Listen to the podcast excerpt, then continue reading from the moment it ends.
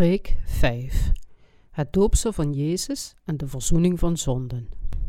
Matthäus hoofdstuk 3 vers 13 tot en met 17 Toen kwam Jezus van Galilea naar de Jordaan tot Johannes om van hem gedoopt te worden. Doch Johannes weigerde hem zeer, zeggende, Mij is nodig van u gedoopt te worden, en komt gij tot mij? Maar Jezus antwoordende zeide tot hem, Laat nu af, want aldus betaamt ons alle gerechtigheid te vervullen. Toen liet hij van hem af. En Jezus, gedoopt zijnde, is terstond opgeklommen uit het water, en ziet, de hemelen werden hem geopend, en hij zag den geest Gods nederdalen, gelijk in duiven, en op hem komen. En ziet, een stem uit de hemel, zeggende, Deze is mijn zoon, mijn geliefde, in den welke ik mijn welbehagen heb. Is er iemand die nog steeds lijdt onder de zonde? Is onze slavernij van zonde beëindigd? Ja. Onze Heer God bevrijdde alle mensen van de slavernij van zonde. Iedereen die lijdt onder de zonde is een slaaf. Met zijn verlossing heeft onze Heer ons absoluut gered. Hij heeft al onze zonden weggenomen. Is er iemand die nog steeds onder de zonden lijdt? We moeten begrijpen dat onze strijd tegen de zonde ten einde is. We zullen nooit meer onder de zonden lijden. Onze slavernij van zonde eindigde toen Jezus ons verloste met zijn doopsel en bloed. Al onze zonden zijn door zijn zoon uitgewist. God betaalde voor al onze zonden, voor altijd, door Jezus die ons bevrijdde. Weet u hoeveel mensen onder hun zonden lijden? Het begon in de tijd van Adam en Eva. De mensheid leidt aan de zonden die zij geërfd hebben van Adam. Maar onze Heer maakte een verbond welke geschreven staat in Genesis hoofdstuk 3 vers 15. En het verbond hield in dat hij alle zondaars zou bevrijden. Hij zei dat de mensen verlost zouden worden van hun zonden door het offer van Jezus Christus, door het water en de geest. En toen de tijd kwam, stuurde God onze Verlosser Jezus om samen met ons te leven. Hij beloofde ook Johannes de Doper voor Jezus te sturen, en hij hield zijn belofte. In Marcus hoofdstuk 1, vers 1 tot en met 8, het begin des evangelies van Jezus Christus, den Zoon Gods. Gelijk geschreven is in de profeten, ziet, ik zend mijn engel voor uw aangezicht, die uw weg voor hen bereiden zal de stem des roependen in de woestijn. Bereid den weg des Heren, maakt zijn paden recht. Johannes was dopende in de woestijn en predikend den doop ter bekering tot vergeving der zonden. En al het Joodse land ging tot hem uit, en die van Jeruzalem, en werden allen van hem gedoopt in de rivier de Jordaan, beleidende hun zonden. En Johannes was gekleed met kemelshaar en met een lederen gordel om zijn lenden, en at sprinkhanen en wilde honing.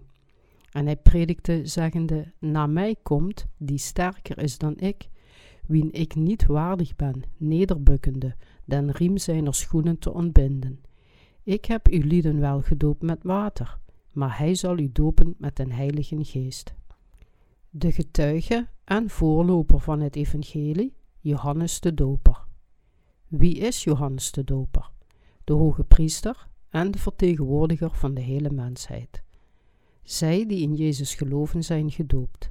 Doopsel betekent in het Grieks onderdompelen, maar het betekent ook gewassen worden, begraven worden, ondergedompeld worden of het doorgeven aan. Toen Jezus gedoopt werd, was de rechtvaardigheid van God vervuld. Rechtvaardigheid is die, die in het Grieks, wat zoveel betekent als rechtvaardig zijn, en ook meest juiste, meest gepaste of de eerlijkste staat. Zich te laten dopen was voor Jezus de beste en meest geschikte manier om de verlosser te worden. Daarom krijgen zij die in Jezus geloven het geschenk van de verlossing van God, doordat ze in zijn doopsel en aan het kruis geloven, het water en de geest. In het Nieuwe Testament is Johannes de Doper de laatste hoge priester van het Oude Testament. Laten we kijken naar Matthäus hoofdstuk 11, vers 10 en 11. De geschriften zeggen dat Johannes de Doper de vertegenwoordiger van de mensheid is. En als de hoge priester in het tijdperk van het Nieuwe Testament gaf hij alle zonden van de wereld door aan Jezus, al dus het hoge priesterambt van het Oude Testament dienend. Jezus getuigde zelf over Johannes. Hij zei in Matthäus hoofdstuk 11, vers 13 en 14: Want al de profeten en de wet hebben tot Johannes toen geprofiteerd. En zo gij het wilt aannemen, hij is Elias die komen zou. Daarom was Johannes de Doper, die Jezus doopte, een afstammeling van de hoge priester Aaron en de laatste hoge priester. De Bijbel getuigt ook in het Oude Testament dat Johannes een afstammeling is van Aaron, Lucas hoofdstuk 1 vers 5, 1 Kronieken hoofdstuk 24 vers 10. Waarom leefde Johannes alleen in de woestijn, gekleed in een gewaad van kamelenhaar? Om het hoge priesterambt te aanvaarden. Als de vertegenwoordiger van de mensheid kon Johannes de Doper niet onder de mensen leven. Dus riep hij de mensen toe: Bekeert u, gij adder broedsels. En hij doopte ze voor de vrucht van de bekering, zodat de mensen naar Jezus, die al onze zonden zou wegnemen, terug zouden keren. Johannes de Doper gaf onze zaligmaking, alle zonden van de wereld, door aan Jezus. Twee soorten doopsels. Waarom doopte Johannes de Doper de mensen? Om de mensen te laten bekeren van al hun zonden en om, en om hun in de zaligmaking van het doopsel van Jezus te laten geloven. Johannes de Doper doopte de mensen en toen doopte hij Jezus. Het eerste doopsel was het doopsel van de bekering, waarbij de zondaars werden opgeroepen om naar God terug te keren. Veel mensen die de woorden van God door Johannes hoorden, gaven hun afgoden op en keerden terug naar God. Het tweede doopsel was het doopsel van Jezus, het doopsel dat alle zonden van de wereld aan Jezus doorgaf. Johannes de Doper doopte Jezus om de rechtvaardigheid van God te vervullen. Jezus werd gedoopt door Johannes de Doper om alle mensen van hun zonden te redden. Matthäus hoofdstuk 3, vers 15. Waarom moest Johannes Jezus dopen? Om de zonden van de wereld uit te wissen, liet God Johannes alle zonden aan Jezus doorgeven, zodat de mensen die in Jezus geloven gered kunnen worden. Johannes de Doper was de dienaar van God, wiens ambt het was al de zonden van de wereld aan Jezus door te geven door het doopsel en te getuigen over Jezus, zodat alle mensen zich zouden bekeren en gereinigd zouden worden van hun zonden door in het evangelie van de verlossing te geloven. Daarom moest Johannes alleen in de woestijn leven. In de tijd van Johannes de Doper waren de mensen van Israël allemaal corrupt en tot op, en tot op het bot verrot. Dus God zei in het Oude Testament, Malachi hoofdstuk 4, vers 5 en 6, Ziet, ik zende uw lieden den profeet Elia, eer dat die grote en die vreselijke dag des Heeren komen zal. En hij zal het hart der vaderen tot de kinderen wederbrengen, en het hart der kinderen tot hun vaderen, opdat ik niet komen en de aarde met den band sla. In de ogen van God waren alle mensen van Israël die Jehovah aanbaden corrupt. Niemand was rechtvaardig voor hem. De religieuze leiders van de tempel, zoals priesters, advocaten en schriftgeleerden, waren vooral tot op het bot slecht. De Israëlieten en de priesters boden geen offergaven aan volgens de wet van God. De priesters hadden het opleggen van handen en het ritueel van de offergaven van bloed dat God hun had geleerd voor de verzoening van hun zonden, afgeschaft. Het staat genoteerd dat de priesters in de tijd van Melachi het wettige offersysteem, het opleggen van handen en het offeren van het bloed van het offerdier hadden afgeschaft. Daarom kon Johannes de Doper niet bij hen blijven. Dus ging Johannes de Doper de woestijn in en riep uit. Wat zei hij? Het staat geschreven in Marcus hoofdstuk 1, vers 2 en 3, citerend de woorden van de profeet Jesaja.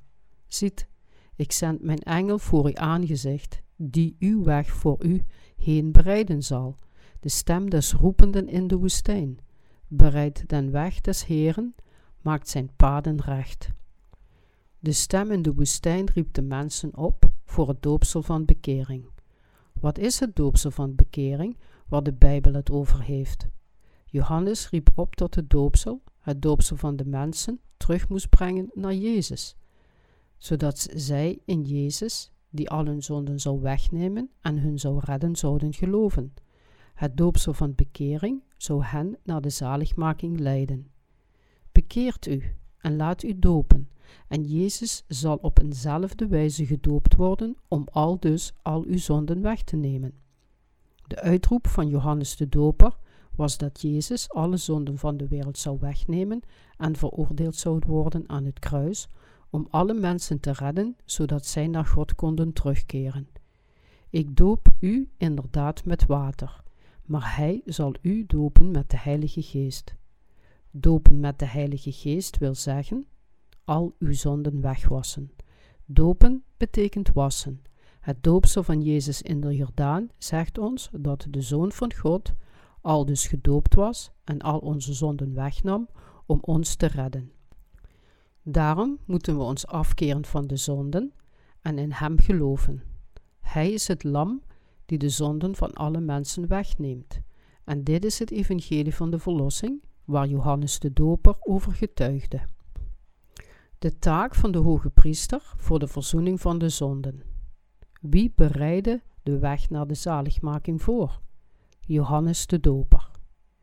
De profeet Jesaja had voorspeld, spreekt naar het hart van Jeruzalem en roept haar toe dat haar strijd vervuld is, dat haar ongerechtigheid verzoend is, dat zij van de hand des Heeren dubbel ontvangen heeft voor al haar zonden. Jesaja, hoofdstuk 40, vers 2. Jezus Christus nam de zonden van u en van mij en van iedereen zonder uitzondering weg. De erfzonde, tegenwoordige zonden en zelfs toekomstige zonden waren weggewassen door zijn doopsel. Hij verloste ons allemaal. Wij moeten allemaal weten over Gods verlossing.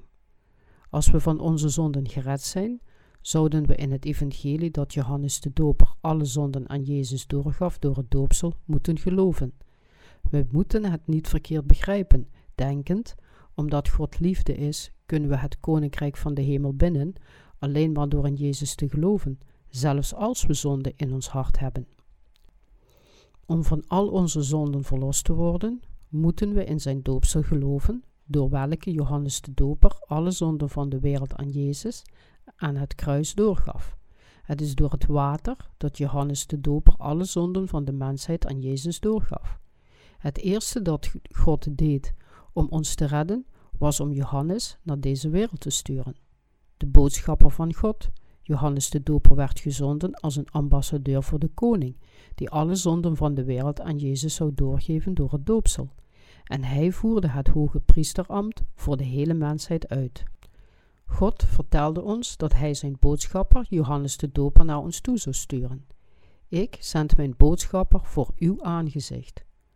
Voor uw aangezicht wil zeggen voor Jezus. Wat was de reden dat hij Johannes voor Jezus zond? Om alle zonden van de wereld aan Jezus, de Zoon van God, door te geven door het doopsel. Hij zal uw weg voorbereiden. Dit is wat hij bedoelde. Wie bereidde de weg voor, zodat wij verlost konden worden en naar de hemel konden gaan? Johannes de Doper. Uw betekent Jezus en mijn betekent God zelf. Ik zend mijn boodschapper voor uw aangezicht, die uw weg zal voorbereiden. Wat betekent dit? Wie was er om de weg voor te bereiden, zodat wij naar de hemel kunnen gaan? Johannes de Doper gaf al onze zonden door aan Jezus, zodat wij zouden geloven dat Jezus al onze zonden voor ons had weggewassen. Het was zijn taak om de zonden door te geven, om Jezus Christus te dopen. Het waren Jezus en Johannes die het voor ons mogelijk maakten om in de waarheid te geloven en verlost te worden. Waar hangt onze zaligmaking vanaf? Het hangt ervan af of we in de werken van Jezus, de Zoon van God, geloven en in het feit dat de boodschapper van God alle zonden van de wereld aan hem had doorgegeven. We zouden allemaal het evangelie van de vergeving van de zonden moeten kennen. God de Vader stuurde zijn boodschappen vooruit. Hij die zijn zoon zou dopen, en hij maakte hem de vertegenwoordiger van de mensheid. Aldus volbracht hij het werk van de verlossing voor ons. God stuurde zijn dienaar Johannes de Doper om zijn zoon te dopen, zodat Johannes de Doper de weg kon voorbereiden voor de zaligmaking voor hen die geloven in zijn zoon. Dat is de reden van het doopsel van Jezus. Het doopsel van Jezus door Johannes de Doper was de verlossing, waardoor alle zonden van de mensheid doorgegeven werden aan Jezus, zodat alle mensen in Jezus zouden geloven en naar de hemel kunnen gaan. Zelfs de toekomstige zonden van de mensheid werden aan Jezus doorgegeven door zijn doopsel. Jezus en Johannes de Doper bereiden samen voor ons de weg naar de hemel voor. Zo onthulde God het geheim van de verlossing door Johannes de Doper. Als de vertegenwoordiger van de mensheid doopte Johannes de Doper Jezus, zodat wij in onze verlossing zouden geloven en naar de hemel kunnen gaan. Door het doopsel gaf hij iedere zonde aan Jezus door. Dit is het vreugdevolle nieuws van de verlossing, het evangelie. Waarom werd Johannes de Doper geboren? Door wie kunnen we in Jezus geloven? Johannes de Doper. In Melachie, hoofdstuk 3, vers 1 staat geschreven: Ziet, ik zende mijn engel, die voor mijn aangezicht den weg bereiden zal. U moet de Bijbel aandachtig lezen. Waarom stuurde God ons zijn boodschapper? Waarom werd Johannes de Doper zes maanden voor Jezus geboren? We moeten begrijpen waar het in de Bijbel allemaal om gaat.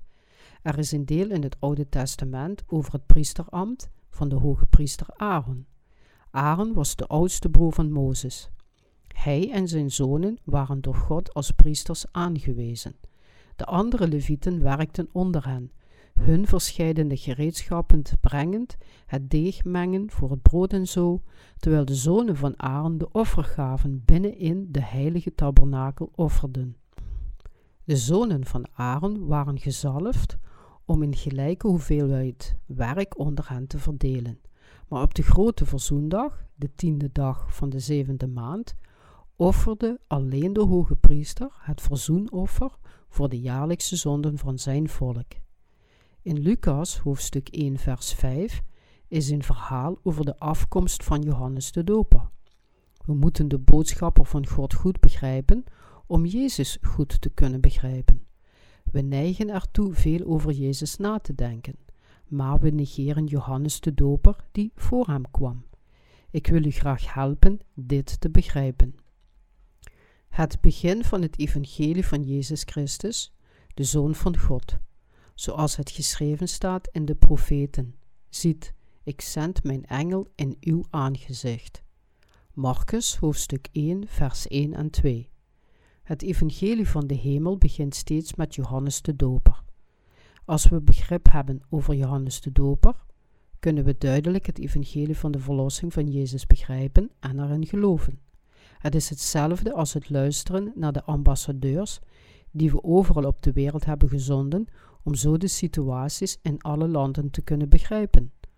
Als we begrip hebben over Johannes de Doper, kunnen we heel goed de verlossing van God begrijpen. Wat jammer is, is echter dat tegenwoordig zoveel christenen het belang van Johannes niet meer zien. God stuurde Johannes de Doper niet omdat hij zich verveelde en niets anders te doen had. Alle vier de evangelies van het Nieuwe Testament spreken van Johannes de Doper voordat ze praten over de verlossing van Jezus. Maar de evangelisten van tegenwoordig negeren hem helemaal en vertellen de mensen dat het geloof in Jezus voldoende is om gered te worden. Zij zijn in feite de leidende mensen die hun hele leven als zondaards leven en in de hel zullen eindigen. Als u in Jezus gelooft zonder de rol van Johannes de Doper te begrijpen, dan wordt het christendom gewoon een andere religie voor u. Hoe kunt u van uw zonden verlost worden als u de waarheid niet kent? Dit is onmogelijk. Het evangelie van de verlossing is niet zo eenvoudig, noch is het gemakkelijk.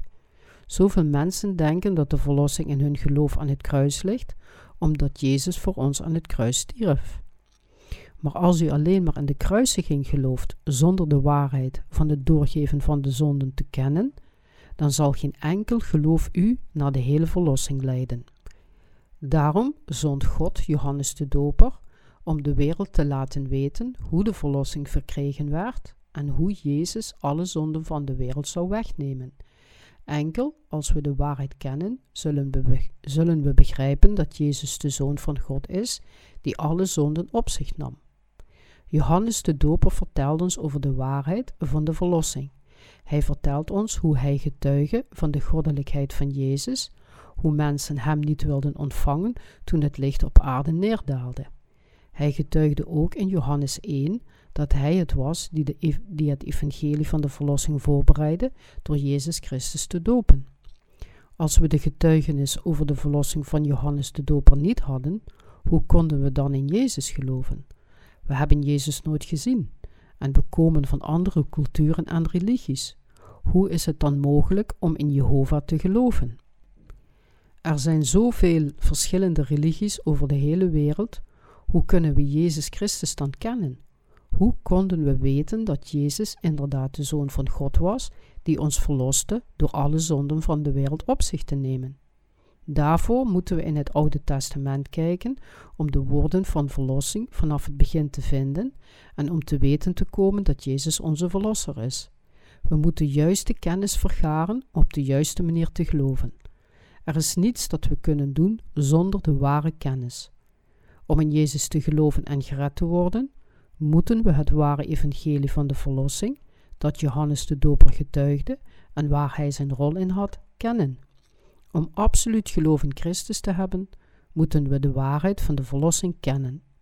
Zoals Jezus daarom zei: En u zult de waarheid kennen, en de waarheid zal u vrijmaken. We moeten de waarheid van de verlossing in Jezus kennen. De bewijzen in de Bijbel. Vanaf welk punt starten de vier evangelies? Vanaf de komst van Johannes de Doper. Laat ons alle bewijzen van de verlossing in de Bijbel verkennen. Laat ons onthullen wat de vier evangelies over Johannes de Doper zeggen, wie hij was, waarom hij de vertegenwoordiger van de mensheid werd genoemd en de laatste hoge priester, hoe alle zonden van de wereld door hem aan Jezus werden doorgegeven en of Jezus alle zonden op zich nam of niet. Alle vier de evangelies beginnen met Johannes de Doper. Johannes, hoofdstuk 1, vers 6, vermeldt een van de belangrijkste feiten in het evangelie.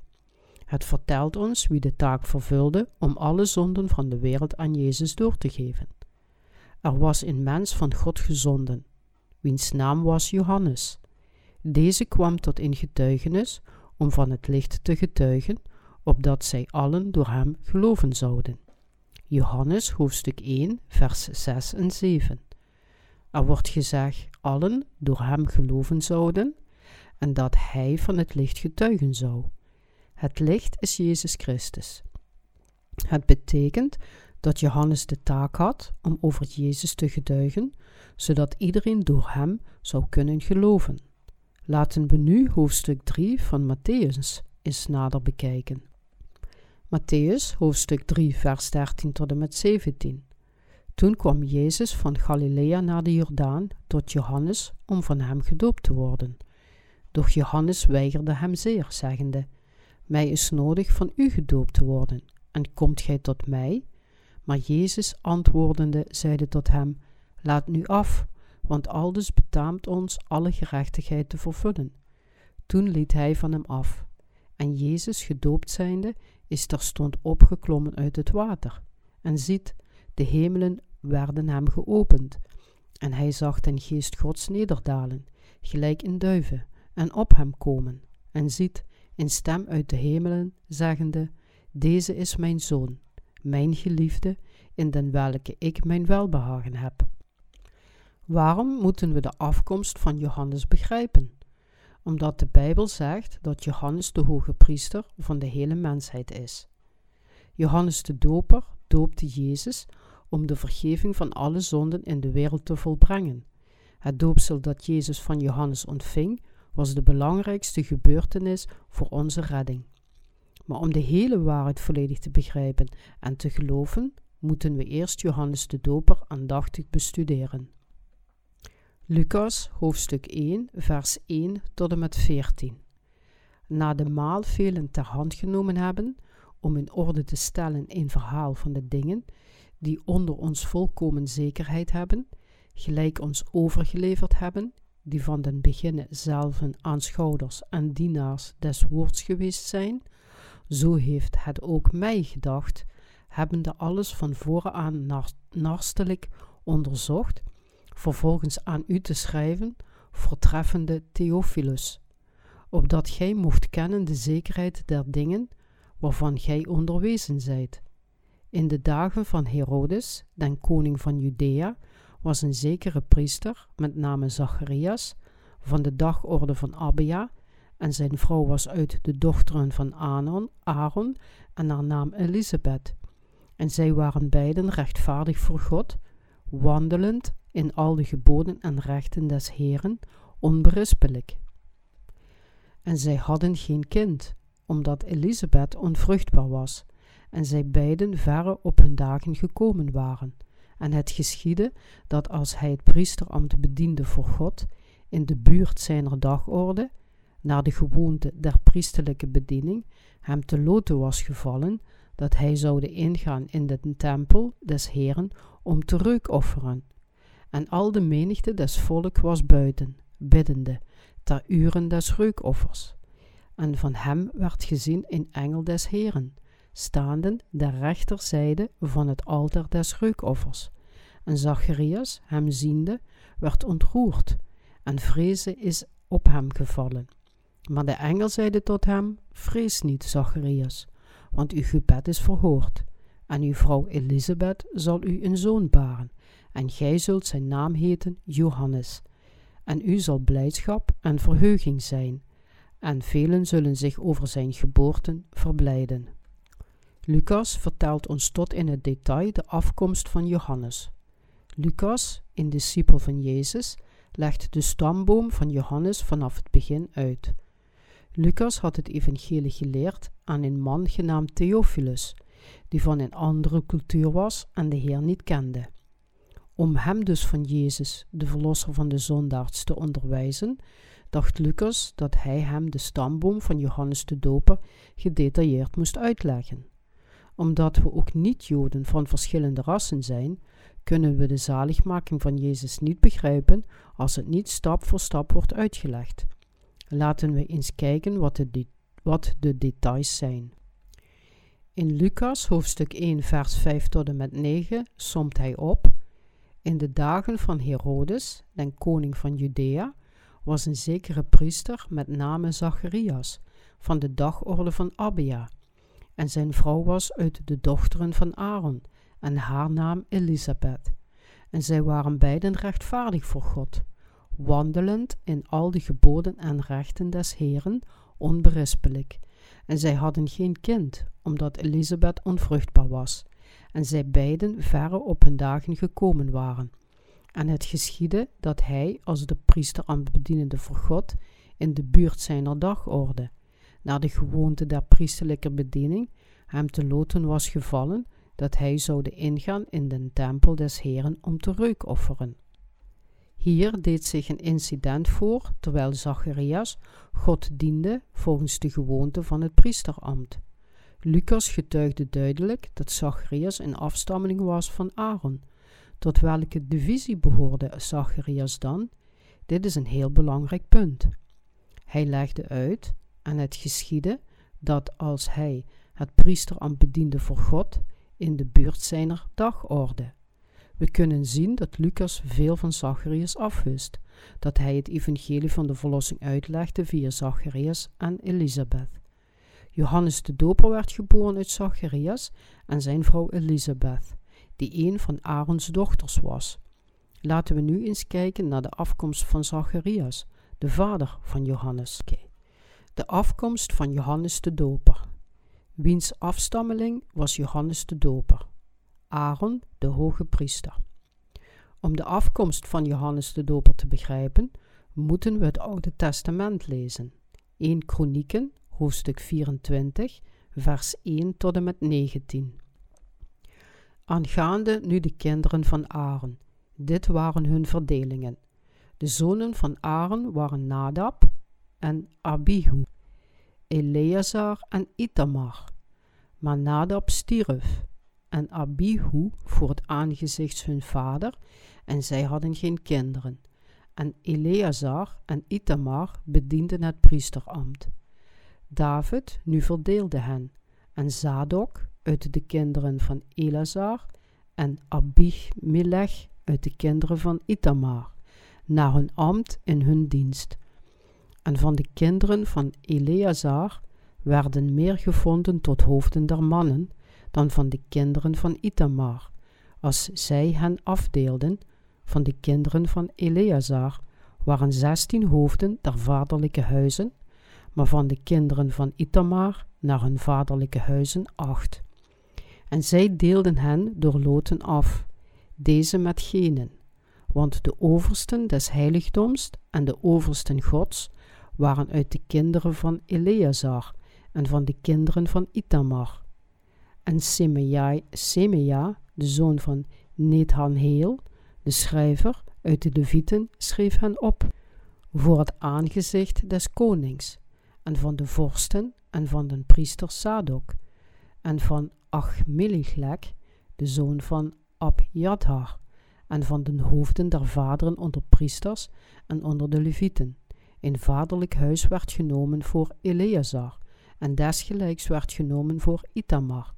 Het eerste lot nu ging uit voor Jorarib, de tweede voor Jedaja, de derde voor Harim, het vierde voor Seorim, het vijfde voor Malachia, het zesde voor Mejamin, het zevende voor Hakkos, het achtste voor Abia, het negende voor Yeshua, het tiende voor Sechanja, het elfde voor Eliasib, het twaalfde voor Jakim, het dertiende voor Huppa, het vierde voor Jesabea, het vijftiende voor Bilga, het zestiende voor Immer, het zeventiende voor Hassir, het achttiende voor Hapi-Zis, het negentiende voor Petaya en het twintigste voor Jehizakiel, het 21ste voor Jachin, het 22ste voor Gamnul, het 23ste voor Delaya,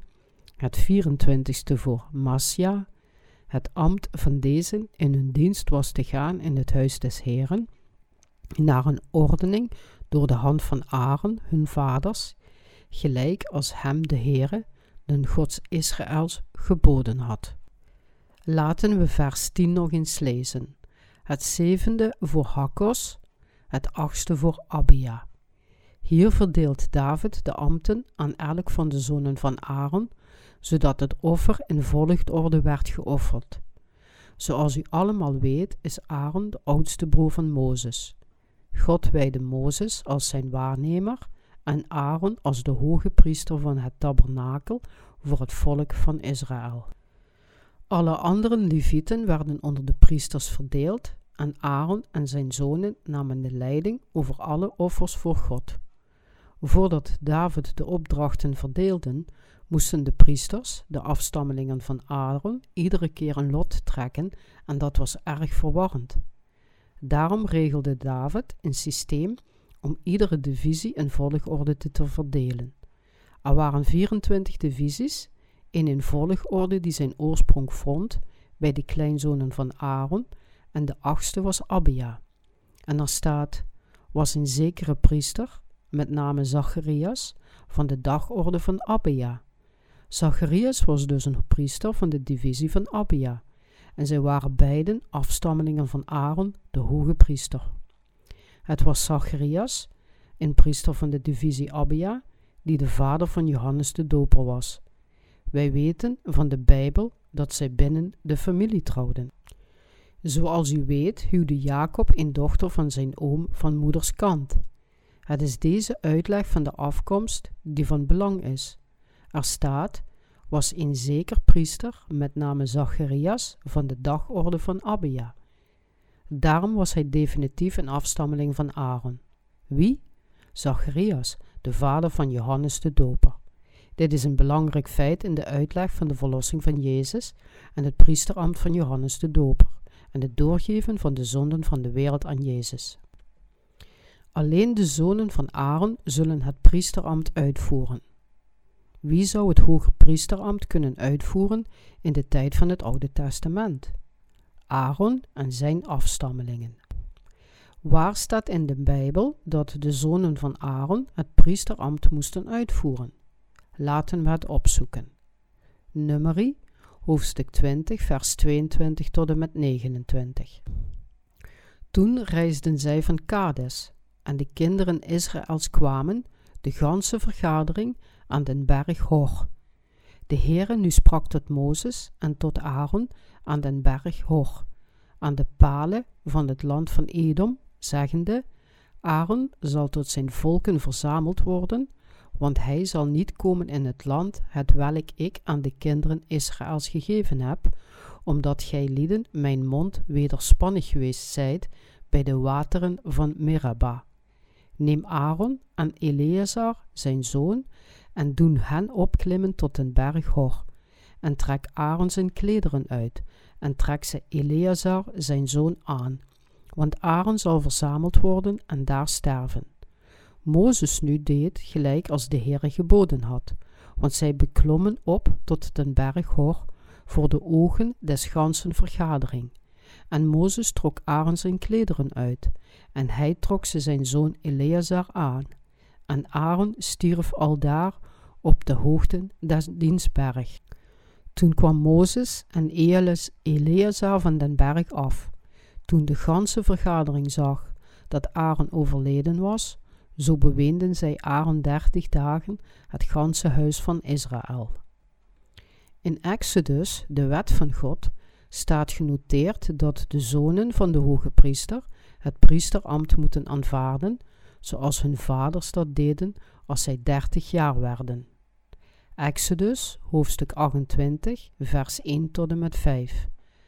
Daarna zult gij uw broeder Aaron en zijn zonen met hem tot u doen naderen uit het midden der kinderen Israëls, om mij het priesterambt te bedienen, namelijk Aaron, Nadab en Abihu, Eleazar en Itamar, de zonen van Aaron. En gij zult voor uw broeder Aaron heilige klederen maken, tot heerlijkheid en tot sieraad. Gij zult ook spreken tot allen die wijs van hart zijn, die ik met der geest der wijsheid vervuld heb, dat zij voor Aaron klederen maken, om hen te heiligen, dat hij mij het priesterambt bediende. Nu, dit zijn de klederen die zij maken zullen, in borstlap en in efot en in mantel en in rokken vol oogjes, in hoed en in gordel. Zij zullen dan voor uw broeder Aaron heilige klederen maken en voor zijn zonen, om mij het priesterambt te bedienen. Zij zullen ook het goud en hemelsblauw en purper en scharlaken en fijn linnen nemen. God wees Aaron, de broer van Mozes, duidelijk aan tot het priesterambt. Het priesterambt was niet open voor iedere man. Daarom gaf God Mozes de opdracht om Aaron als hoge priester te wijden en om hem de goede kleding te maken, zoals door hem omschreven. We moeten nooit de woorden van God vergeten. Er staat ook in Exodus hoofdstuk 29, vers 1 tot en met 9: Dit is nu de zaak die gij mij doen zult, om hen te heiligen, dat zij mij het priesterambt bedienen. Neem in vaar het, het jong in runs en twee volkomen rammen, een ongezuurd brood en ongezuurde koeken met olie gemengd en ongezuurde vladen met olie bestreken van tarwemeelbloem zult gij dezelfde maken. En gij zult in een korf leggen en zult ze in den korf toebrengen met der vaar en de twee rammen.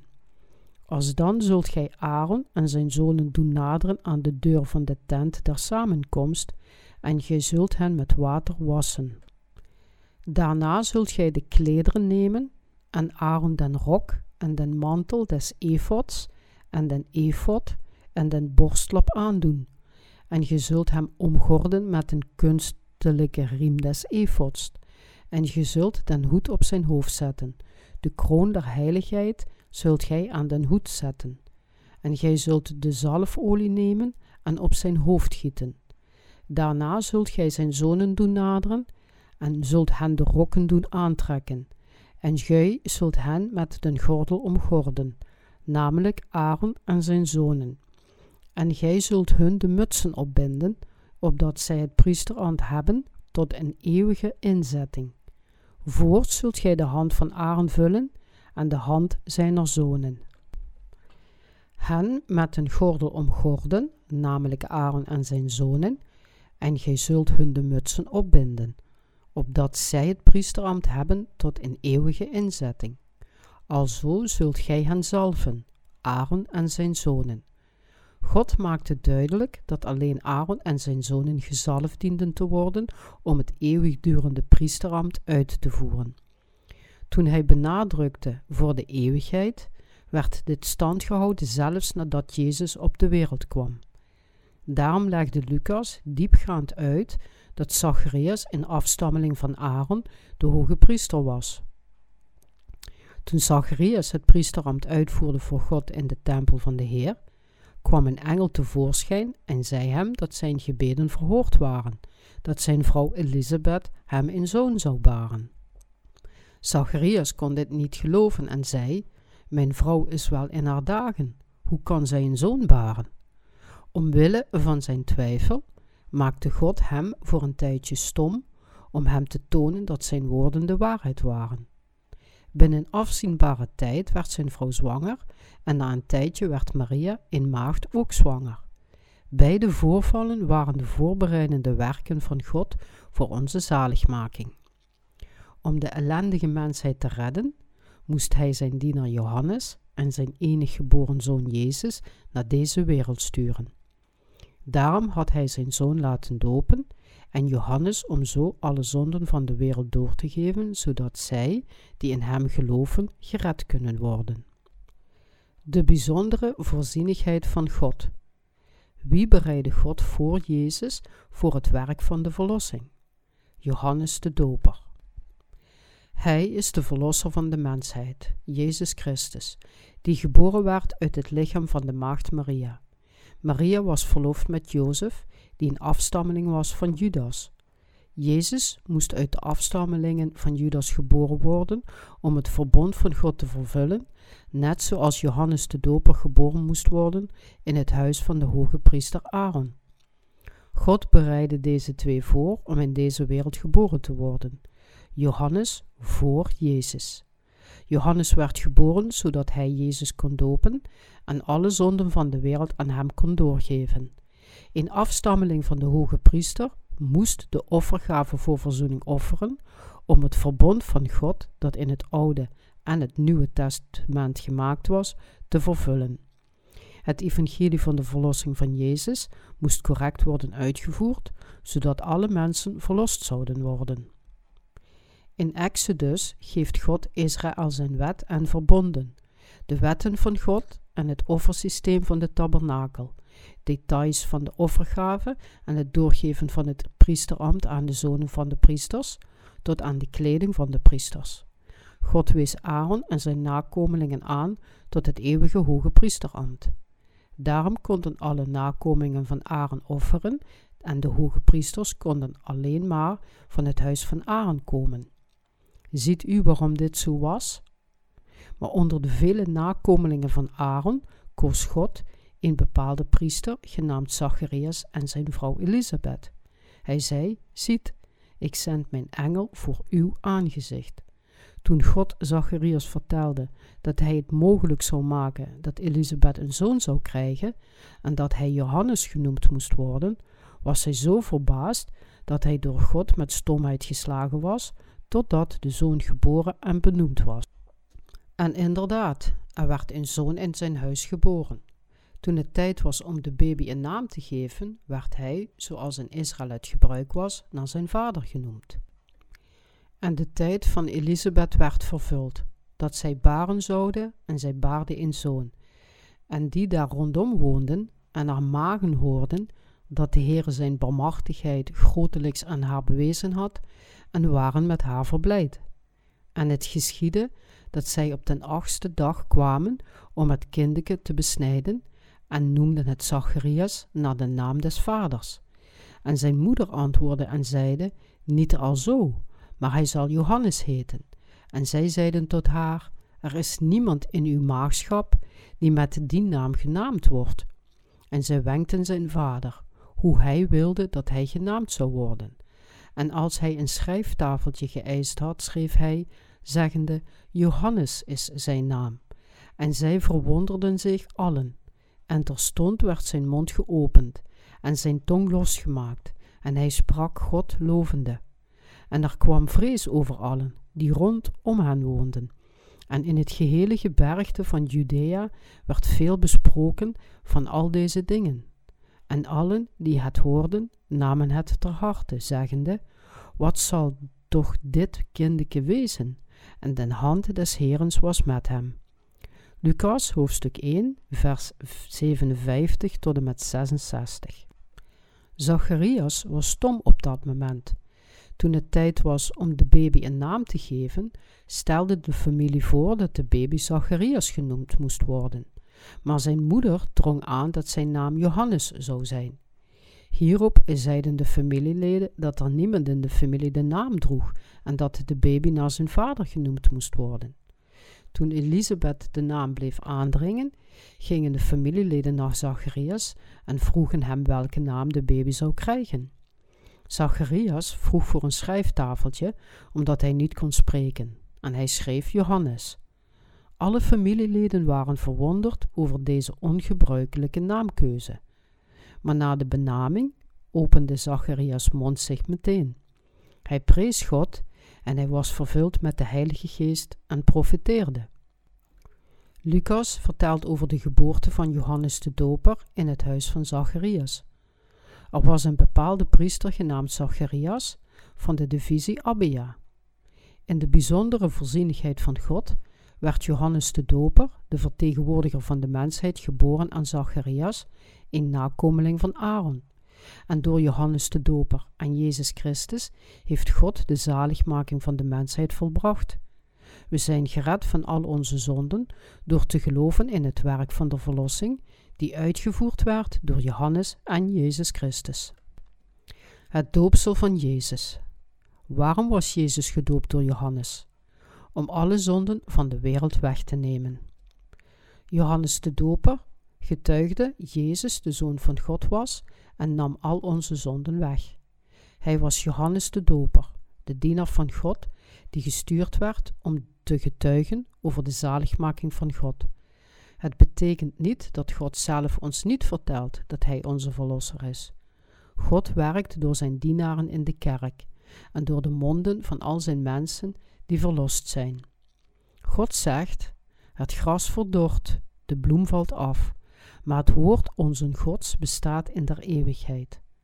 De profeet Jesaja had voorspeld: Spreekt naar het hart van Jeruzalem en roept haar toe dat haar strijd vervuld is, dat haar ongerechtigheid verzoend is, dat zij van de hand des Heeren dubbel ontvangen heeft voor al haar zonden. Jesaja hoofdstuk 40, vers 8 en vers 2. God had al ongeveer 700 jaar voor de geboorte van Christus beloofd: U bent geen zondaard meer. Ik heb al uw zonden verzoend en de strijd is ten einde. Zo blijft de stem van het evangelie van de verlossing naar ons roepen. Dit is wat het voorbereide evangelie wordt genoemd.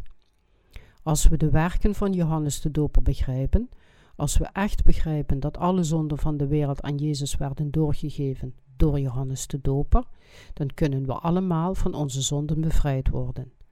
Alle vier de evangelies vertellen ons over Johannes de Doper. En Milachi, de laatste profeet van het Oude Testament, getuigt dat Johannes de Doper de voorbereide diener van God is. Het Nieuwe Testament begint met de geboorte van Johannes de Doper en het doorgeven van de zonden door hem. Waarom noemen we hem dan Johannes de Doper? Omdat hij Jezus doopte. Wat betekent doopsel? Het betekent doorgeven van, begraven worden, gewassen worden, hetzelfde als het opleggen van handen in het Oude Testament. Als een mens gezondigd had in het Oude Testament, gaf hij zijn zonden door aan het hoofd van de offergave zonder smet, door zijn handen op het offer te leggen, en het offer stierf met deze zonden. Het opleggen van handen betekent het doorgeven aan. Daarom heeft het opleggen van handen en het doopsel dezelfde implicaties, ook al lijken ze anders. Wat is dan de betekenis van het doopsel van Jezus? Zijn doopsel is de enigste manier voor ons om de vergeving van zonden te ontvangen. God had de wet dat zonden konden worden doorgegeven aan het offer door het opleggen van handen gevestigd. In het Oude Testament moesten zondaars hun handen op het hoofd van een offergave leggen om hun zonden aan het hoofd van deze offergaven door te geven. Daarna moesten ze de keel doorsnijden en de priester deden het bloed ervan op de horens van het altaar. Zo werd verzoend voor de dagelijkse zonden. Hoe dan verzoenden zij voor de jaarlijkse zonden? Aaron, de hoge priester, offerde de gaven voor het hele volk van Israël. Omdat Johannes de Doper geboren was tot het huis van Aaron, was het gepast voor hem om de hoge priester te zijn, en hij was door God voorbestemd om de laatste hoge priester te zijn volgens zijn belofte van de verlossing. Johannes de Doper was de vertegenwoordiger van de hele mensheid en de laatste hoge priester van de hele mensheid, omdat het Oude Testament eindigde toen Jezus Christus was geboren. Wie anders dan Johannes de Doper kon alle zonden van de wereld aan Jezus doorgeven in het Nieuwe Testament, net zoals Aaron verzoend had voor de zonden van de mensen in het Oude Testament. Als de laatste hoge priester van het Oude Testament en de vertegenwoordiger van de hele mensheid, gaf Johannes de Doper alle zonden van de wereld door het doopsel van Jezus aan Jezus door. Omdat Johannes alle zonden aan Jezus had doorgegeven, konden wij verlost worden door te geloven in het evangelie van het water en de geest. Jezus werd het lam om alle zondaars te redden, het werk uitvoerende van de verlossing, zoals gepland door God. Jezus vertelde ons dat Johannes de Doper de laatste profeet was, de laatste hoge priester, die alle zonden van de wereld aan hem had doorgegeven. Waarom kon Jezus dat zelf niet doen? Waarom had hij Johannes de Doper nodig? Er was een reden voor Johannes de Doper om zes maanden vroeger dan Jezus te komen. Het was om de wet van het Oude Testament te vervullen, om zijn beloften na te komen. Jezus werd geboren uit de maagd Maria, en Johannes de Doper werd geboren uit een oude vrouw genaamd Elisabeth. Dit waren de werken van God, en hij plande ze om alle zondaars te redden. Om ons te redden van een eeuwige oorlog tegen zonden, samen met het lijden van ons zondige bestaan, stuurde hij zijn dienaar Johannes en daarna zijn eigen zoon Jezus. Johannes de Doper werd gezonden als de vertegenwoordiger van de hele mensheid, de laatste hoge priester. De grootste man geboren van vrouwen. Wie was de grootste man op aarde? Johannes de Doper. Laten we kijken naar Matthäus 11, vers 7 tot en met 14. Als nu deze heen gingen, heeft Jezus tot de scharen begonnen te zeggen van Johannes: Wat zijt gij uitgegaan in de woestijn te aanschouwen? Een riet dat van den wind ginds en weder bewogen wordt? Maar wat zijt gij uitgaan te zien? Een mens met zachte klederen bekleed, ziet die zachte klederen dragen, zijn in der koningen huizen. Maar wat zijt gij uitgegaan te zien? Een profeet? Ja, ik zeg u, ook veel meer dan een profeet. Want deze is het van den welke geschreven staat: Ziet, ik zend mijn engel voor uw aangezicht, die uw weg bereiden zal voor u heen. Voorwaar zeg ik u, onder diegenen die van vrouwen geboren zijn, is niemand opgestaan meerder dan Johannes de Doper. doch die de minste is in het koninkrijk der hemelen, is meerder dan hij. En van de dagen van Johannes den Doper tot nu toe wordt het koninkrijk der hemelen geweld aangedaan, en de geweldigers nemen hetzelfde met geweld. Want al de profeten en de wet hebben tot Johannes toe geprofiteerd. En als je bereid bent het te ontvangen, hij is Elia die komen zou. Mensen gingen de woestijn in om Johannes de Doper te zien, die uitriep: Hebt brouw, addergebroed. En Jezus zei: Wat zijt gij uitgegaan te zien? Een mens met zachte klederen bekleed? Ziet, die zachte klederen dragen, zijn in der koningen huizen. Jezus zelf getuigde van Johannes' grootheid. Wat zijt gij uitgegaan te zien? Een barbaar die gekleed gaat in kamelenhaar en die zijn longen uit zijn lijf schreeuwt. Hij moet met het haar van een kameel hebben gedragen. Wat zijt gij uitgegaan te zien? Een mens met zachte klederen bekleed? Die zachte klederen dragen, zijn in der koningen huizen. Maar hij is groter dan de koning, getuigde Jezus. Ziet, die zachte klederen dragen, zijn in der koningen huizen. Maar wat zijt gij uitgegaan te zien? Een profeet? Ja, ik zeg u, ook veel meer dan een profeet. Vroeger waren de profeten groter dan de koningen. Johannes de Doper was meer dan een koning en meer dan een profeet. Hij was meer dan alle profeten uit het Oude Testament. In feite was Johannes de laatste hoge priester en de vertegenwoordiger van de mensheid, meer dan Aaron, de eerste hoge priester. Jezus zelf getuigde van Johannes. Wie is de vertegenwoordiger van de mensheid? Behalve Christus zelf, wie is de grootste man op aarde? Johannes de Doper. Ja, ik zeg u, ook veel meer dan een profeet. Ziet, ik zend mijn engel voor uw aangezicht, die uw weg voor u heen bereiden zal. Johannes de Doper getuigde dat de strijd tegen de zonden beëindigd was.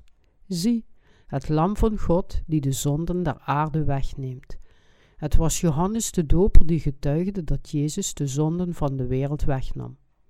In Matthäus hoofdstuk 11, vers 11 Voorwaar zeg ik u, onder diegenen die van vrouwen geboren zijn, is niemand opgestaan meerder dan Johannes de Doper. Is er iemand groter dan Johannes de Doper onder de vrouwen geboren? Wat wil dat zeggen, van vrouwen geboren zijn? Het verwijst naar de hele mensheid. Behalve Adam en Eva zijn alle mensen van vrouwen geboren. Ja, onder diegenen die van vrouwen geboren zijn, is er niemand opgestaan meerder dan Johannes de Doper. Daarom is hij de laatste hoge priester en de vertegenwoordiger van de mensheid. Johannes de Doper was de hoge priester, de profeet en onze vertegenwoordiger. In het Oude Testament waren Aaron en zijn zonen door God ingewijd om in eeuwigheid te dienen. Alle zonden moesten door Aaron en zijn zonen weggewassen worden. Het was zoals God het bevolen had. Als andere levieten naar voren waren gekomen en durfden in hun priesterstrap te stappen, zouden ze zeker zijn gestorven. Alles wat zij doen konden was hout verzamelen voor het vuur op het altaar, de dieren villen, de ingewanden schoonmaken en het vet eruit halen en het slachtafval buiten het kamp brengen. Als zij arrogant genoeg zouden zijn geweest om het fysieke werk van de priesters te doen, zouden zij gestorven zijn. Het is de wet van God.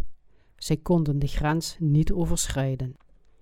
Er is geen groter man op deze aarde geboren dan Johannes de Doper. Hij was de grootste onder alle stervelingen. En van de dagen van Johannes den Doper tot nu toe wordt het koninkrijk der hemelen geweld aangedaan. En de gewelddadigers nemen hetzelfde met geweld. De verlossing van de mensheid werd vervuld toen Johannes de Doper Jezus doopte en zij die in Jezus geloven, kunnen het koninkrijk van de hemel binnengaan, omdat zij rechtvaardig worden door geloof.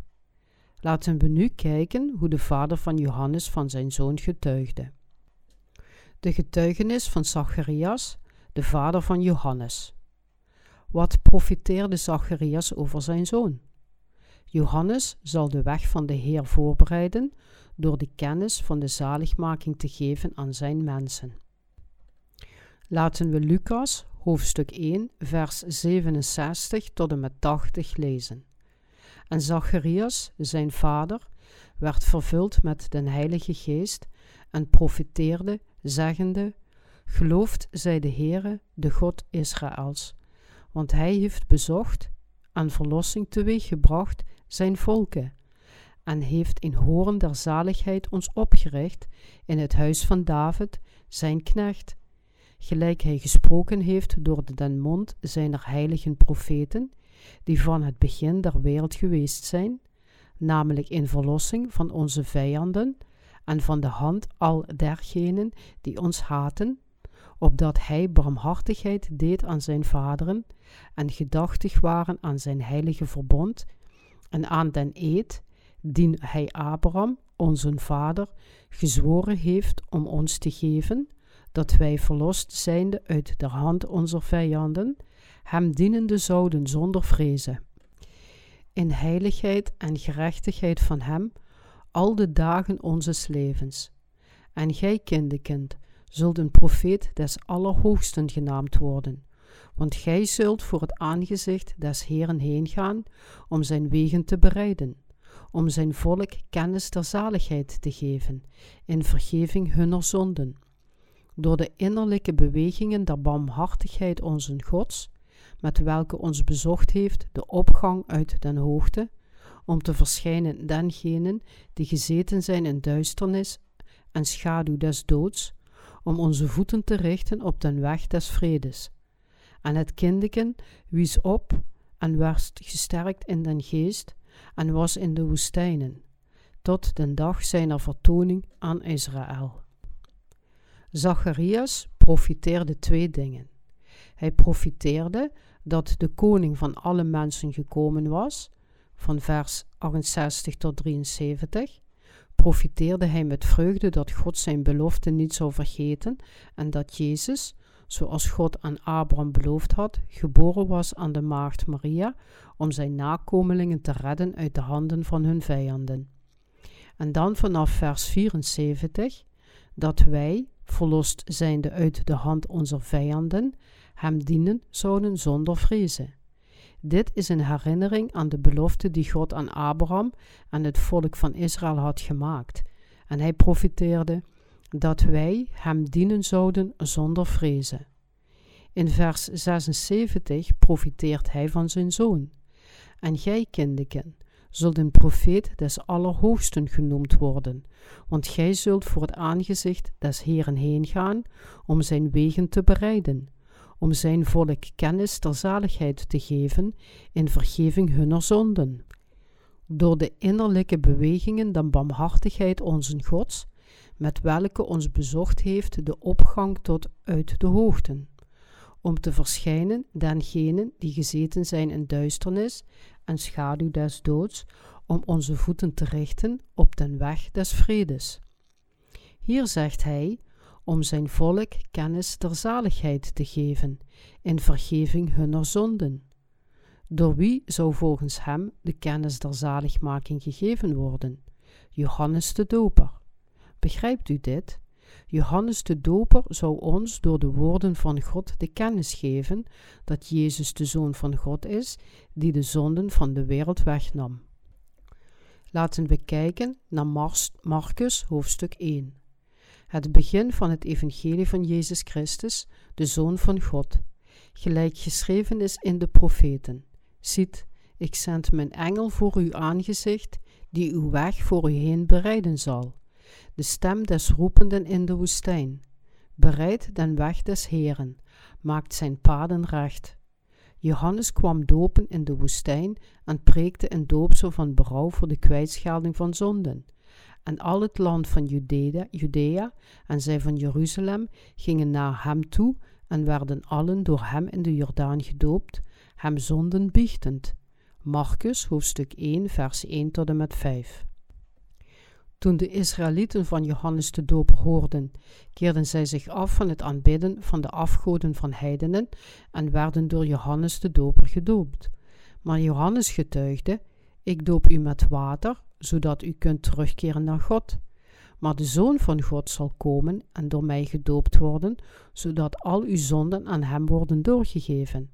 En als u gelooft in zijn doopsel, zoals u van mij gedoopt bent geworden, zullen al uw zonden aan hem worden doorgegeven, net zoals de zonden, zonden door het opleggen van handen werden doorgegeven in het Oude Testament. Dit was wat Johannes getuigde. Het feit dat Jezus in de Jordaan was gedoopt, betekent dat hij werd gedoopt in de rivier van de dood. Wij zingen op een begrafenis, in het lieflijke bij elkaar, zullen we elkaar ontmoeten op die prachtige kust. Zullen we elkaar ontmoeten op die prachtige kust. Als we sterven, zullen we de rivier de Jordaan oversteken. De rivier de Jordaan is de rivier van de dood. Jezus werd gedoopt in de rivier van de dood, want hij nam daar alle zonden van de wereld op zich en het loon van de zonde is de dood. Het doopsel dat onze zonden doorgeeft. Wat is het opleggen van handen in het Nieuwe Testament? Het doopsel van Jezus. In Matthäus hoofdstuk 3, vers 13 tot en met 17 lezen we: Toen kwam Jezus van Galilea naar de Jordaan, tot Johannes, om van hem gedoopt te worden. Doch Johannes weigerde hem zeer, zeggende: Mij is nodig van u gedoopt te worden, en komt gij tot mij? Maar Jezus, antwoordende, zeide tot hem: Laat nu af, want aldus betaamt ons alle gerechtigheid te vervullen. Toen liet hij van hem af. En Jezus, gedoopt zijnde, is terstond opgeklommen uit het water, en ziet, de hemelen werden hem geopend. En hij zag den geest Gods nederdalen, gelijk in duiven, en op hem komen. En ziet een stem uit de hemelen, zeggende: Deze is mijn zoon, mijn geliefde, in den welke ik mijn welbehagen heb. Jezus kwam naar de Jordaan en werd gedoopt door Johannes de Doper. Hij beval hem: Doop mij. Johannes antwoordde: Mij is nodig van u gedoopt te worden. En komt gij tot mij? De hoge priesters van hemel en aarde ontmoeten elkaar. Zoals gezegd in Hebreeën hoofdstuk 7 is Jezus Christus voor altijd tijd de hoge priester, volgens de volgorde van Melchizedek. Dit betekent dat Jezus zonder menselijke genealogie is. Hij is geen afstammeling van Aaron, noch van een ander mens op aarde. Hij is de Zoon van God, onze Schepper. Hij is die Hij is. Daarom heeft Hij geen genealogie. Jezus verliet de heerlijkheid van de hemel en daalde naar de wereld af om zijn volk te redden. De reden waarom hij naar deze wereld afdaalde was om alle zondaars die onder de misleidingen van Satan lijden te redden. Tevens nam hij alle zonden van de wereld weg door gedoopt te worden van Johannes de Doper. Maar Jezus antwoordende zeide tot hem: Laat nu af, want aldus betaamt ons alle gerechtigheid te vervullen. Toen liet hij van hem af. Laat nu af. Laat af, beval Jezus, de vertegenwoordiger van de hele mensheid, en boog zijn hoofd om gedoopt te worden. Als er een offergave in het Oude Testament werd gegeven aan God, dan legde oftewel de zondaard of de hoge priester zijn handen op het hoofd van het offer en gaf de zonden door. Het opleggen van handen betekent doorgeven. Jezus werd gedoopt door Johannes de Doper. De betekenis was hetzelfde als het opleggen van handen in het Oude Testament. Het doorgeven van, begraven worden, gewassen worden, zijn ook hetzelfde. Het Nieuwe Testament is de realiteit, terwijl het Oude Testament zijn tegenbeeld is. Als een zondaard in het Oude Testament zijn handen op het lam legde, waren zijn zonden aan het lam doorgegeven en moest het lam sterven. Wanneer het lam dood was, werd het begraven. De zonde van de persoon die zijn handen op het lam had gelegd, was doorgegeven aan het lam, zodat het lam met de zonde stierf. Als de zonde aan het lam was doorgegeven, was diegene die het lam gebracht had dan zonder zonde? Ja. Stelde zich voor dat deze zakdoek de zonde is en deze microfoon het lam. Als ik mijn handen op deze microfoon leg, is deze zonde doorgegeven aan de microfoon, het lam. God zelf besliste dat het zo zou zijn. Leg uw handen op. Om dus van zonden verlost te worden, in de tijd van het Oude Testament, moest iemand zijn handen op het hoofd van een offer leggen. Hierna was hij zonder zonde. Het doopsel van Jezus is voor het wassen, begraven en het doorgeven van de zonden van de wereld aan Hem. Dat is precies wat het betekent. Wat betekent het om alle gerechtigheid te vervullen? Het wegwassen van alle zonden door het doorgeven van de zonden aan Jezus. Toen Jezus gedoopt werd om alle zonden van de wereld weg te nemen, waren zij dan werkelijk allemaal aan Hem doorgegeven? Alle zonden van de wereld waren aan Jezus doorgegeven en alle mensen waren verlost. Het is hetzelfde als het doorgeven van zonden aan de offers in het Oude Testament. Jezus kwam van Galilea naar de Jordaan en hij zei: Laat nu af, want aldus betaamt ons alle gerechtigheid te vervullen. Matthäus hoofdstuk 3, vers 15. Toen liet hij van hem af en werd gedoopt. Jezus zei Johannes dat hun aldus betaamt alle gerechtigheid te vervullen door zijn doopsel. Alle gerechtigheid betekent de meest juiste en geschikte manier. Want al dus was het voor hun betaamt alle gerechtigheid te vervullen. Het betekende dat het juist was voor Johannes om Jezus te dopen en voor Jezus om voor Johannes gedoopt te worden, om zo alle zonden aan hem door te geven. God verleent verlossing op basis van het doopsel van Jezus, zijn offer aan het kruis en ons geloof. De hele mensheid lijdt onder de zonde en wordt gekweld door de duivel vanwege hun zonde. Daarvoor moet u, als de vertegenwoordiger van de mensheid en in afstammelingen van Aaron, mij voor alle mensen dopen, zodat zij gered en naar de hemel gestuurd kunnen worden. Ik zal door u gedoopt worden, dan zal het werk van de verlossing vervuld zijn. Johannes antwoordde: Ik begrijp het. Dus Johannes doopte Jezus. Hij legde zijn handen op Jezus' hoofd en gaf alle zonden van de wereld door aan Jezus. Jezus was de Verlosser die al onze zonden wegwaste. We zijn gered door het geloof in zijn verlossing. Gelooft u dit? Nadat hij door de handen van de vertegenwoordiger van de hele mensheid gedoopt was, het eerste werk van Jezus in zijn publieke ambt bij de Jordaan, reisde hij, terwijl hij preekte, gedurende drie en een half jaar met alle zonden van de wereld op zich. Hij zei tegen de vrouw die op overspel betrapt werd: Ook ik veroordeel u niet. Hij kon haar niet veroordelen, omdat hij al haar zonden op zich genomen had en voor deze aan het kruis zou sterven. Terwijl hij aan het bidden was in een plaats genaamd Getsemane, bad hij drie keer tot zijn vader om hem te smeken de beker aan hem voorbij te laten gaan. Maar hij gaf gauw op en zei: Niet mijn wil, maar uw wil geschiet. Zie, het lam Gods dat de zonden der wereld wegneemt.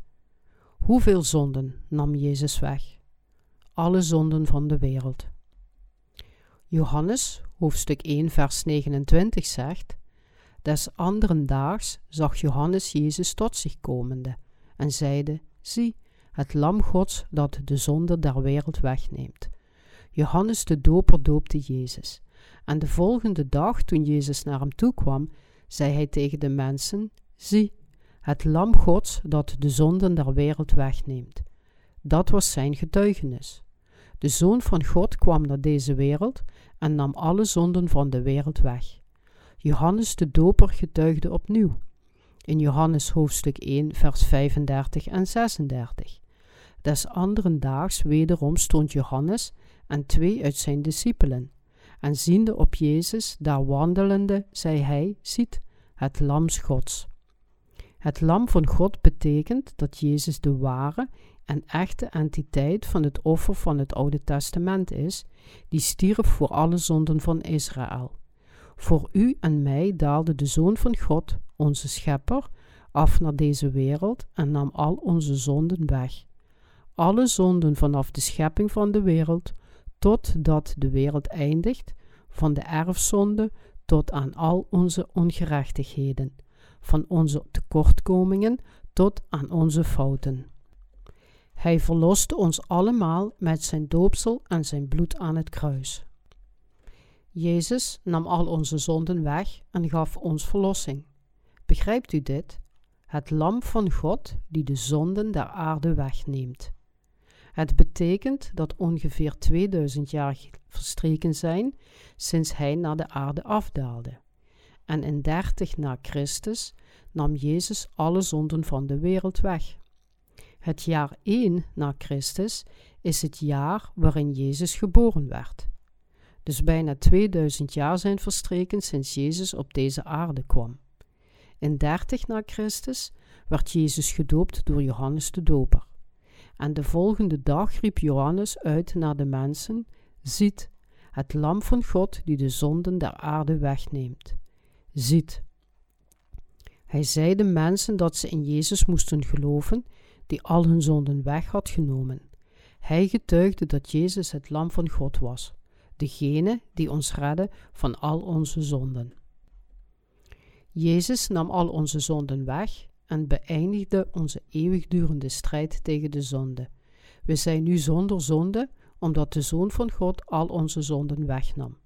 Johannes de Doper getuigde dat hij al onze zonden wegnam, de zonden van u en van mij. Deze kwam tot een getuigenis, om van het licht te getuigen, opdat zij allen door hem geloven zouden. Johannes hoofdstuk 1 vers 7 Hoe zouden wij, zonder de getuigenis van Johannes, kunnen weten dat Jezus al onze zonden weggenomen had? De Bijbel vertelt ons vaak dat hij voor ons stierf, maar alleen Johannes de Doper getuigt dat hij al onze zonden wegnam.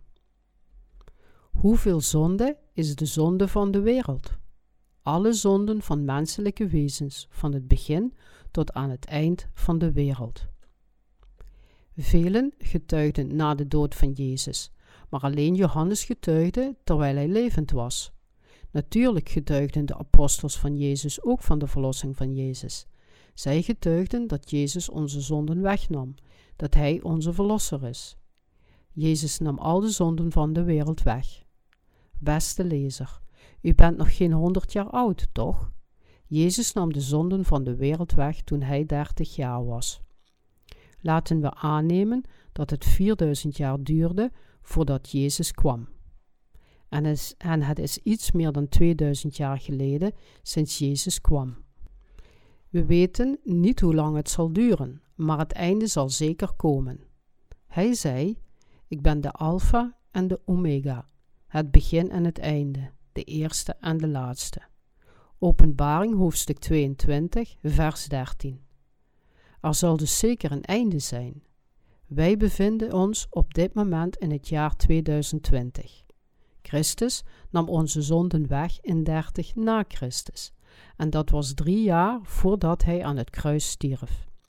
Het lam Gods dat de zonden der wereld op zich neemt. Hij nam alle zonden van de wereld weg, de zonden van u en mij. Wij leven nu onze levens ongeveer 2000 jaar nadat Jezus onze zonden wegnam. En we leven vandaag de dag en zondigen nog steeds. Jezus is het lam van God die de zonden van de wereld wegnam. We beginnen ons leven en zondigen in deze wereld op het moment dat we geboren worden. Zondigen we allemaal vanaf het moment dat we geboren worden of doen we dat niet? Ja, dat doen we. Laten we het hele proces eens doorlopen. Vanaf de dag dat we geboren worden totdat we tien jaar zijn, zondigen we. Of doen we dat niet? Ja, dat doen we. Werden deze zonden dan doorgegeven aan Jezus of niet? Ja, ze werden doorgegeven. Omdat alle zonden aan Jezus werden doorgegeven, is Hij onze Verlosser. Zo niet, hoe zou Hij onze Verlosser kunnen zijn? Alle zonden werden aan Jezus doorgegeven. Zondigen wij op de leeftijd van 11 tot 20 of doen we dat niet? We zondigen in ons hart en met onze daden. Daar zijn we erg goed in. We hebben geleerd niet te zondigen, maar zijn van nature geneigd te zondigen. God vertelt ons dat al deze zonden aan Jezus waren doorgegeven. Hij wist dat wij zondig waren, dus nam Hij van tevoren al deze zonden weg. En hoe lang leven wij ongeveer in deze wereld? Laten we zeggen dat dit zo'n 70 jaar is. Als we alle zonden die we gedurende die 70 jaar bij elkaar optellen, hoe zwaar zou dat wel niet zijn? Als we ze op vrachtwagens van 8 ton zouden laden, zouden we waarschijnlijk meer dan 100 ladingen hebben. Probeer u zich eens voor te stellen hoeveel zonden we begaan tijdens ons leven. Zijn dat de zonden van de wereld of niet? Ze zijn de zonden van de wereld. We zondigen vanaf onze geboorte tot 10 jaar, van 10 tot 20 en tot 30 tot de dag dat we sterven. Maar al deze zonden behoren tot de zonden van de wereld, die al werden doorgegeven aan Jezus door zijn doopsel. De verlosser van de mensen, Jezus Christus. Hoeveel zonden nam Jezus weg? Alle zonden van onze voorvaders, van ons en van onze nakomelingen tot aan het einde van de wereld. Jezus vertelt ons dat Hij al deze zonden heeft weggewassen. Jezus kon niet tegen zichzelf zeggen: Doop mij. Dus stuurde God zijn dienaar Johannes vooruit, de verkozen vertegenwoordiger van de hele mensheid.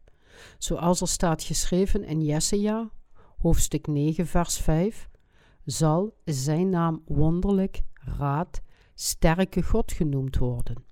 Door hemzelf, door zijn wijsheid, door zijn raad, stuurde hij de vertegenwoordiger van de mensheid vooruit en zichzelf, de Zoon van God, kwam in levende lijven en nam alle zonden van de wereld op zich.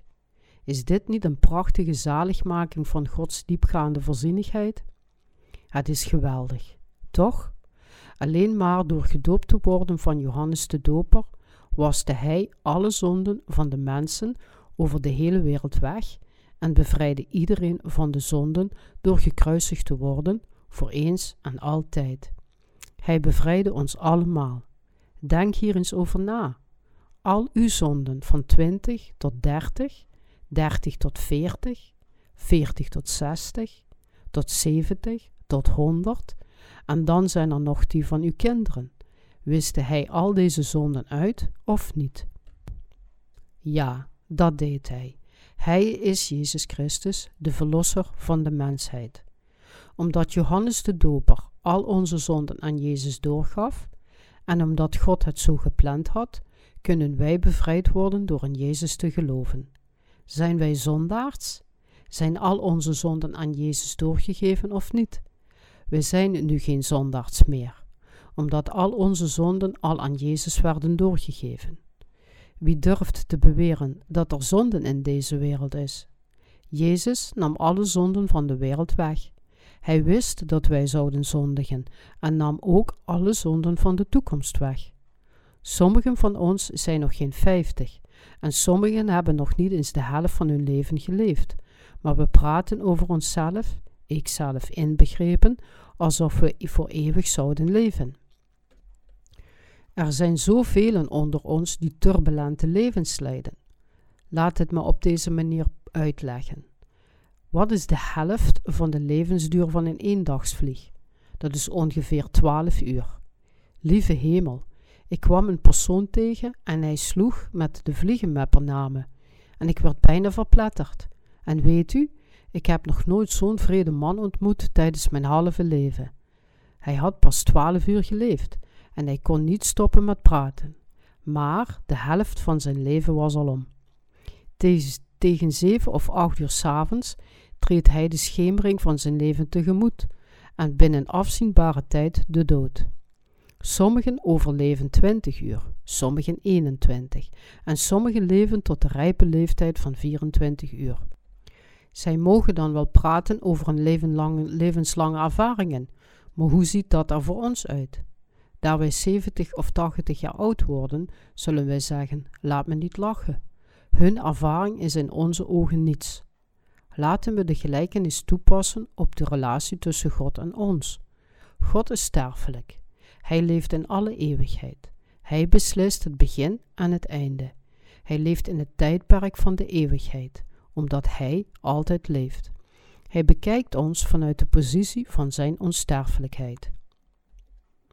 Er was eens een tijd waarop Hij alle zonden van de wereld wegnam en aan het kruis stierf en zei: Het is volbracht. Op de derde dag gerees Hij en steeg op naar de hemel. Nu woont Hij in de eeuwigheid en kijkt neer op ons. En iemand zegt: O jee, ik heb zoveel gezondigd.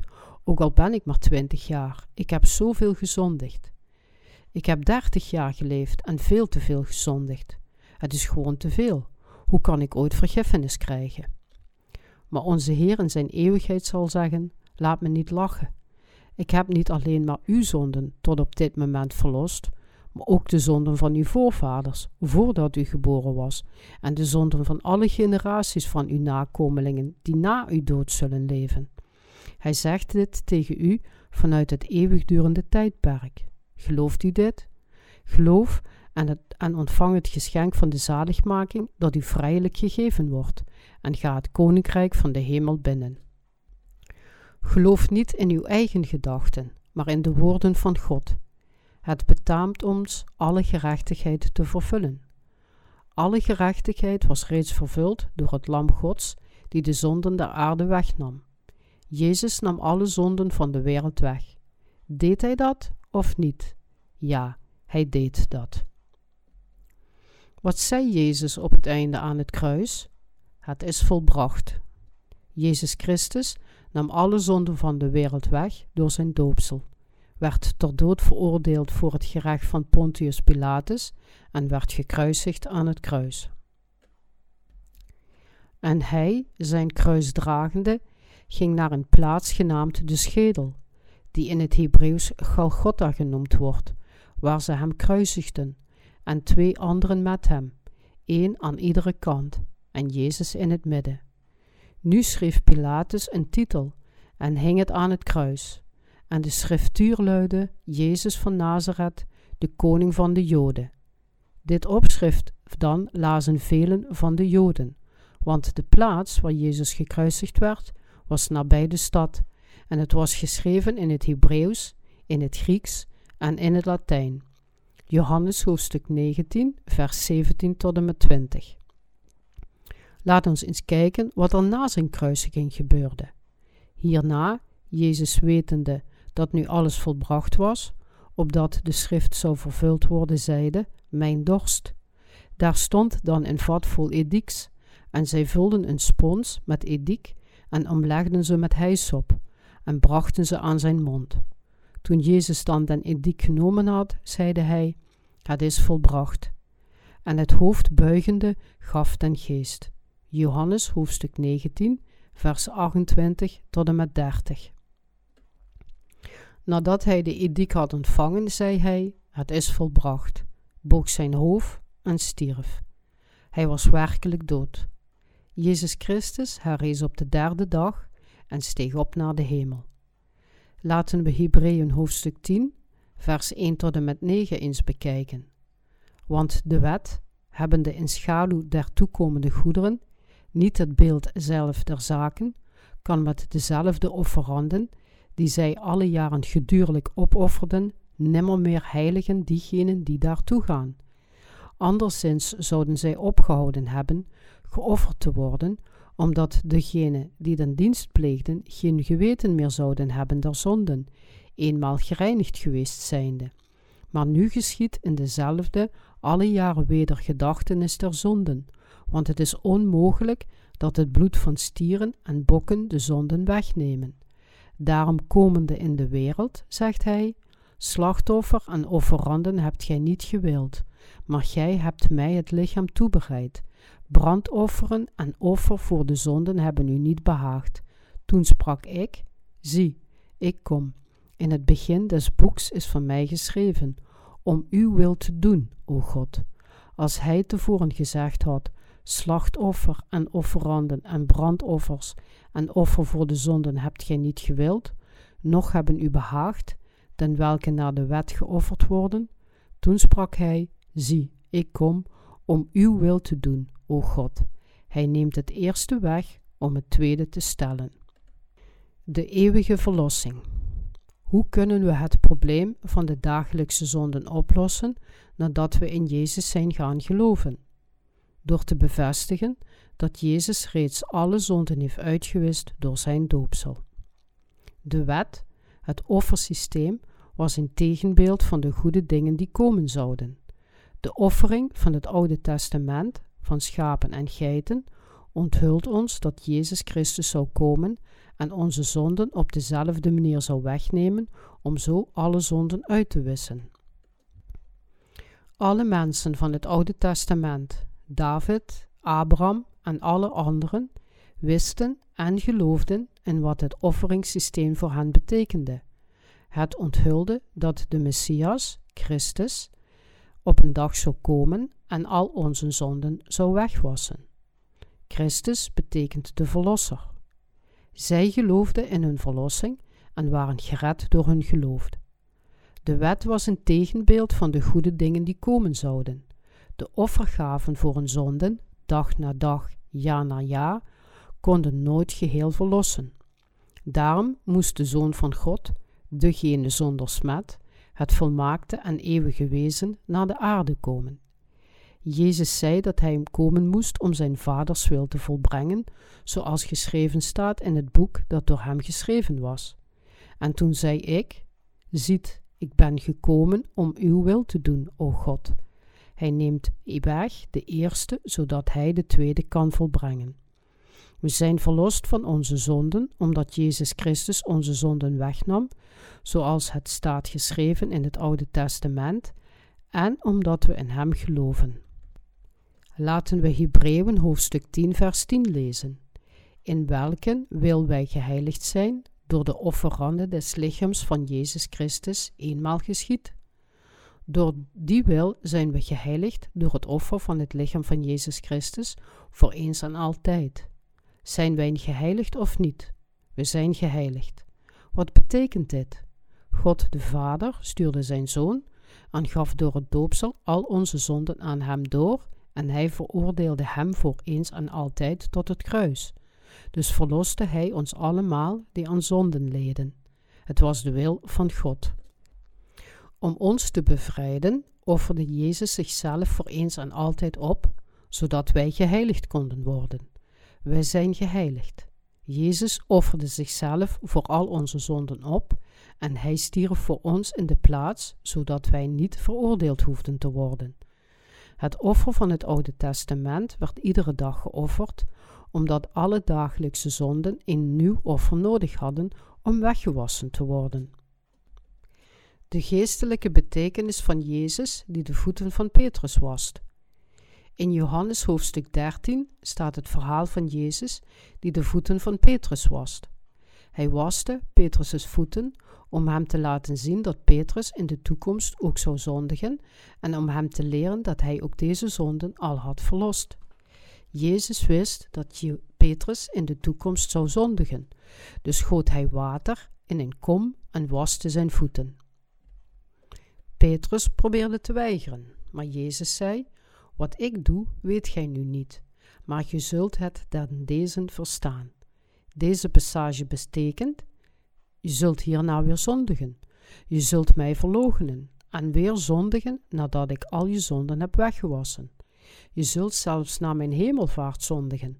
Daarom was ik je voeten om Satan te waarschuwen, je niet te testen, omdat ik reeds al je toekomstige zonden heb weggenomen.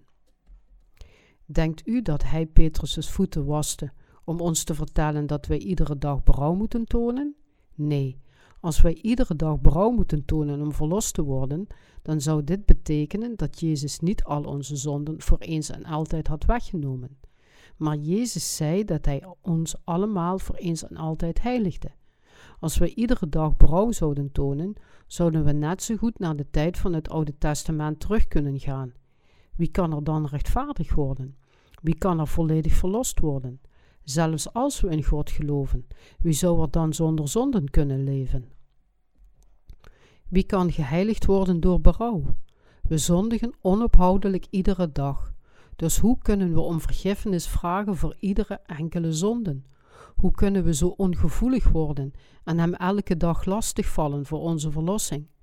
We neigen ertoe onze zonden van de ochtend tegen het eind van de dag te vergeten, en de zonden van de avond zijn we de volgende dag vergeten. Het is voor ons onmogelijk om volledig berouw te tonen voor al onze zonden. Daarom werd Jezus één keer gedoopt. Offerde Hij zichzelf eenmaal aan het kruis, zodat wij allemaal in één keer geheiligd kunnen worden. Begrijpt u dit? We zijn voor eens en altijd van al onze zonden verlost geworden. We zijn niet elke keer verlost als we berouw tonen. Is er nog zonde waarvoor wij gebeden van berouw moeten geven? Nee. We zijn van onze zonden gered door te geloven dat Jezus al onze zonden, uw zonden en mijn zonden wegnam. En een iegelijk priester stond wel alle dagen dienende en dezelfde slag dikmaals offerend, die de zonden nimmer meer kunnen wegnemen. Maar deze, een slachtoffer voor de zonde geofferd hebbende, is in eeuwigheid gezeten aan de rechterhand Gods, voortswachtende totdat zijn vijanden gesteld worden tot een voetbank zijner voeten. Want met een offerande heeft hij in eeuwigheid volmaakt dengenen die geheiligd worden. En de Heilige Geest getuigt het ons ook. Want nadat hij tevoren gezegd had: Dit is het verbond dat ik met hem maken zal na die dagen, zegt de Heere: Ik zal mijn wetten geven in uw harten, en ik zal die inschrijven in hun verstanden. En hun zonden en hun ongerechtigheden zal ik geen zins meer gedenken. Waar de vergeving derzelve is, daar is geen offeranden meer voor de zonden. Hebreeën hoofdstuk 10, vers 11 tot en met 18. Wat betekent vergeving derzelve? In Hebreeën hoofdstuk 10 vers 18 betekent het dat voor de zonde zelf, welke zonde dan ook, voor altijd, zonder uitzondering, boete was gedaan. God heeft hen allemaal uitgewist en ons vergeven. Gelooft u dit? Waar nu de vergeving derzelve is, daar is geen offeranden meer voor de zonden. Laten we alles tot nu toe samenvatten. Als Johannes de Doper zijn handen niet op Jezus had gelegd, met andere woorden, als hij Jezus niet had gedoopt, zouden wij dan verlost zijn geworden? Nee, absoluut niet. Laat ons eens terugdenken. Als Jezus Johannes de Doper niet had verkozen als de vertegenwoordiger van heel de mensheid en alle zonden door hem had weggenomen, had hij dan al onze zonden kunnen wegwassen? Nee, dat zou hij niet gekund hebben. De wet van God is rechtvaardig. Het is eerlijk. Hij kan niet alleen maar zeggen dat hij onze verlosser was, dat hij al onze zonden wegnam. Hij moest onze zonden fysiek wegnemen. Waarom is Jezus, God, in het vlees naar ons gekomen? Hij kwam om alle zonden van de mensheid door zijn doopsel weg te nemen. Jezus wist dat al de zonden in ons hart en vlees niet konden worden uitgewist, tenzij Hij in het vlees geofferd zou worden als het eeuwige offer. Om alle zonden van de mensheid weg te nemen, moest Hij, de Zoon van God, in het vlees naar ons toe komen. Als Jezus Christus niet was gedoopt, zouden onze zonden blijven bestaan. Als hij gekruisigd zou zijn zonder eerst onze zonden weg te nemen, zou zijn dood zinloos zijn geweest. Het zou niets met ons te maken hebben gehad. Het zou volkomen zinloos zijn geweest. Dus, toen hij zijn publieke ambt op dertigjarige leeftijd begon, kwam hij naar Johannes te dopen bij de Jordaan om gedoopt te worden. Zijn publieke ambt begon op dertigjarige leeftijd en eindigde op 33-jarige leeftijd. Toen hij dertig jaar was, ging hij naar Johannes de Doper om gedoopt te worden. Laat af, aldus betaamt het ons de gerechtigheid voor alle mensen te vervullen. Het is voor ons het juiste om te doen. Nu, doop mij. Ja, Jezus Christus werd gedoopt voor de verlossing van alle mensen.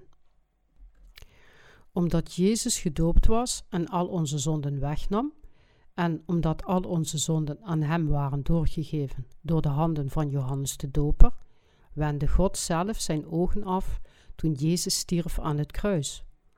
Ook al was Jezus zijn enig geboren zoon, hij moest zijn zoon laten sterven. God is liefde, maar hij moest zijn zoon laten sterven.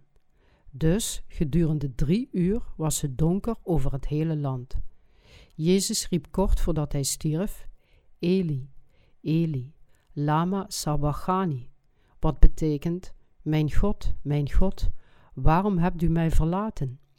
Jezus droeg al onze zonden en ontving het oordeel aan het kruis voor ons. Aldus redde hij ons. Zonder het doopsel van Jezus zou zijn dood zinloos zijn geweest. Bent u een zondaard of een rechtvaardig persoon?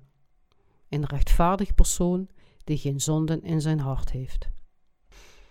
Als Jezus aan het kruis zou zijn gestorven, zonder al onze zonden weg te nemen, zonder gedoopt te zijn, zou zijn dood niet de verlossing hebben gebracht. Om ons te verlossen werd Jezus gedoopt door Johannes, de vertegenwoordiger van de hele mensheid. En hij ontving het oordeel aan het kruis, zodat iedereen die in hem gelooft gered kan worden. Vanaf de tijd van Johannes de Doper tot nu heeft het koninkrijk van de hemel daarom geleden onder geweld.